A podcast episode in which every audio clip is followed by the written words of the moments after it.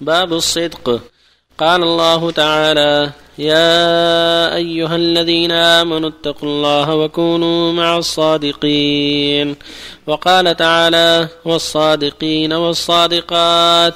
وقال تعالى فلو صدقوا الله لكان خيرا لهم. وأما الأحاديث فالأول عن ابن مسعود رضي الله عنه عن النبي صلى الله عليه وسلم قال إن الصدق يهدي إلى البر وإن البر يهدي إلى الجنة وإن الرجل ليصدق حتى يكتب عند الله صديقا. وإن الكذب يهدي إلى الفجور وإن الفجور يهدي إلى النار وإن الرجل ليكذب حتى يكتب عند الله كذابا. متفق عليه. وعن أبي محمد الحسن بن علي بن أبي طالب رضي الله عنهما قال حفظت من رسول الله صلى الله عليه وسلم دع ما يريبك إلى ما لا يريبك. فإن الصدق طمانينة والكذب ريبه رواه الترمذي وقال حديث صحيح. وعن أبي سفيان صخر بن حرب رضي الله عنه في حديثه الطويل في قصة هرقل. قال هرقل فماذا يأمركم؟ يعني النبي صلى الله عليه وسلم. قال أبو سفيان قلت يقول اعبدوا الله وحده لا تشركوا به شيئا واتركوا ما يقول آباؤكم ويأمرنا بالصلاة والصدق والعفاف والصلة. متفق عليه. وبالله التوفيق بسم الله الرحمن الرحيم. الحمد لله وصلى الله وسلم على رسول الله وعلى آله وأصحابه من اهتدى بهدى أما بعد هذه الآيات الكريمات والأحاديث كلها تتعلق بالصدق والصدق يكون في القول ويكون في العمل. والواجب على كل مؤمن ومؤمنة الصدق في القول والعمل. فالصدق في القول أن يقول الحقيقة المطابقه للواقع والصدق في العمل أن ينصح فيه وأن يؤديه كما شرع الله من غير رياء ولا سمعة ولا كسل ولا ضعف. بل يصدق في العمل. قال الله جل وعلا يا أيها الذين آمنوا اتقوا الله وكونوا مع الصادقين. نزلت في قصة كعب بن أشرة كعب بن مالك وصاحبيه لما تخلفوا عن غزوة تبوك وسألهم الرسول عن العذر فصدقوا. فأنجاهم الله بصدقهم وتاب عليهم. وقال تعالى فلو صدقوا الله لكان خيرا لهم. يعني لو عملوا الله بالصدق لكان خيرا لهم في الدنيا والآخرة.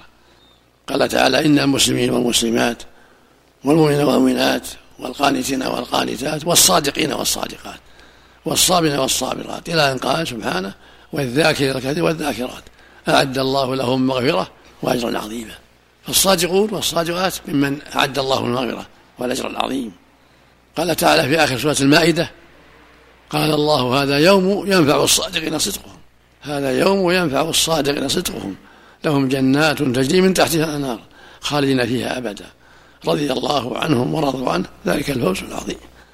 يعني الصادقين في قولهم وعملهم. ينفعهم صدقهم يوم القيامة فيدخلهم الله الجنة وينجيهم من النار.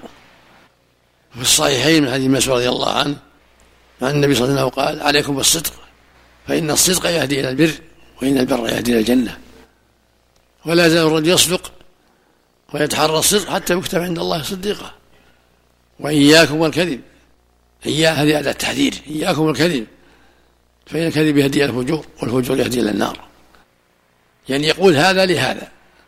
الكذب يقود إلى الفجور في القول والعمل والفجور يقود إلى النار. وما يزال الرجل يكذب ويتحرى الكذب حتى يكتب عند الله كذابا. فالكذب يجر إلى الكذب والصدق يجر إلى الصدق. فينبغي المؤمن أن يتحرى الصدق في قوله وعمله حتى يكون سجية له وطبيعة له.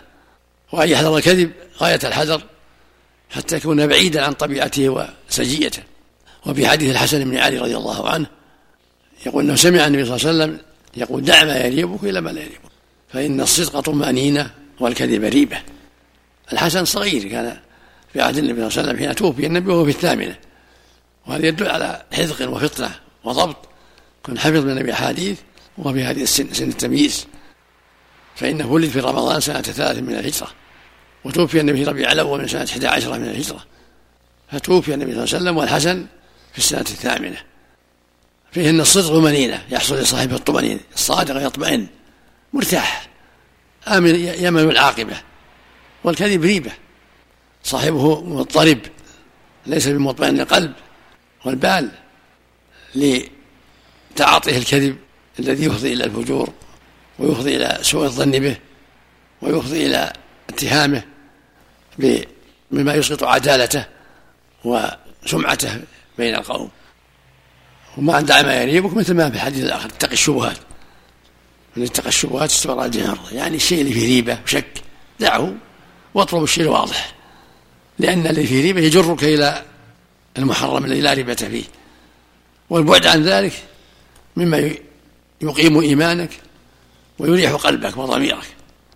وفي حديث أبي سفيان بن حرب قصته لما سأله قيصر ملك الروم وكانوا في تجارة في الشام في الهدنة التي بينه وبين النبي صلى الله عليه وسلم وكان في وفد من قريش للتجارة فطلبهم الهرقل سأل عنهم فأخبر بهم فطلبهم فحضروا لديه وقال من أقربكم من هذا الرجل ليدعي النبوة؟ قالوا أبو سفيان فتقدم وجعله أمامهم وجعلهم خلفه وقال إن كذب فكذبوه. فسأل عن مسائل عديدة. آخرها قال بماذا يأمركم؟ قال يقول لنا اعبدوا الله ولا تشركوا به شيئا واتركوا ما يقول آباؤكم. يعني اعبدوا الله وحده واتركوا الشرك الذي عليه آباؤكم. ويأمرنا بالصلاة والصلة صلة الرحم والصدق والعفاف عن الفواحش. من جملة المسائل لكن هذه هذه أهمها. سألهم عن نسبه وعن ما كانت فيه هل قالها قبله أحد من آبائه إلى غير ذلك من أسئلته المعروفة. وفي جواب أبي سفيان قال لولا أني خشيت أن يأثروا عن الكذب لكذبت. خاف من ربعه اللي معه ينقل عنه إنه كذب. ما استطاع أن يكذب خاف أن ينقلوا عنه الكذب. والشاهد من قوله إنه يامرنا بالصلة والصلاة والعفاف والصدق قوله والصدق فالرسول يأمرهم بالصدق مع أمره لهم بالتوحيد والإيمان وصلة الرحم وبر الوالدين والعفاف عن المحارم يأمرهم بالصدق في أقوالهم وأعمالهم. فلما أخبر هرقل بهذا الكلام قالها هذا لا يقوله إلا نبي. وإن كان كما قلت لا يظهرن عليكم ولا ينصرنه الله عليكم. ولو قدرت لا غسلت عن قدمه لا اجتمعت به وغسلت عن قدمه.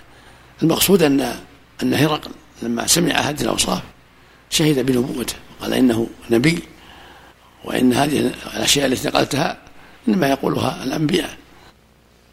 فمن ذلك ما قاله عنه من أنه يأمرهم بالصدق يعني في القول والعمل. فالواجب على أهل الإيمان رجالا ونساء الصدق في أقوالهم وأعمالهم. فإن عملوا صدقوا وإن قالوا صدقوا. هكذا المؤمن. اتقوا الله وكونوا مع الصادقين. وفق الله جميعا. من يسمي الكذب دبلوماسية وبعضهم يسميها كذبة بيضاء وبعضهم يمزح يعني ويقول أنا أمزح يعني مثلا يكثر الكذب كل هذا كل هذا كل هذا كلام باطل. كلام السفهاء. هذا كلام السفهاء. أحسن الله إليك. وإن الرجل لا يصدق. هذا خاص بالرجل ولا الرجل والمرأة؟ الرجل المرأة مثله. هذه هذه قاعدة. أحسن الله إليك. الحسن هل روى غير هذا الحديث؟ لا روايات رضي الله لا روايات نعم لا عدة أحاديث. نعم. الكذب يجوز مع الزوجة؟ نعم نعم. بس في أي حدود؟ حديث الرجل امرأته والرجل امرأة زوجها في حدود ما بينهما ما يتعداهم. في حدود اللي بينهم لا يتعداهم إلى غيرهم. شرعي أبشتري كذا وبعطيك كذا وبسوي كذا وهي تقول سوف أفعل كذا سوف أكرمك سوف لا أعصيك سوف أنفذ أوامرك وهكذا فيما بينهم. حتى ترضيه ويرضيها. حتى لا يكون بينهم نساء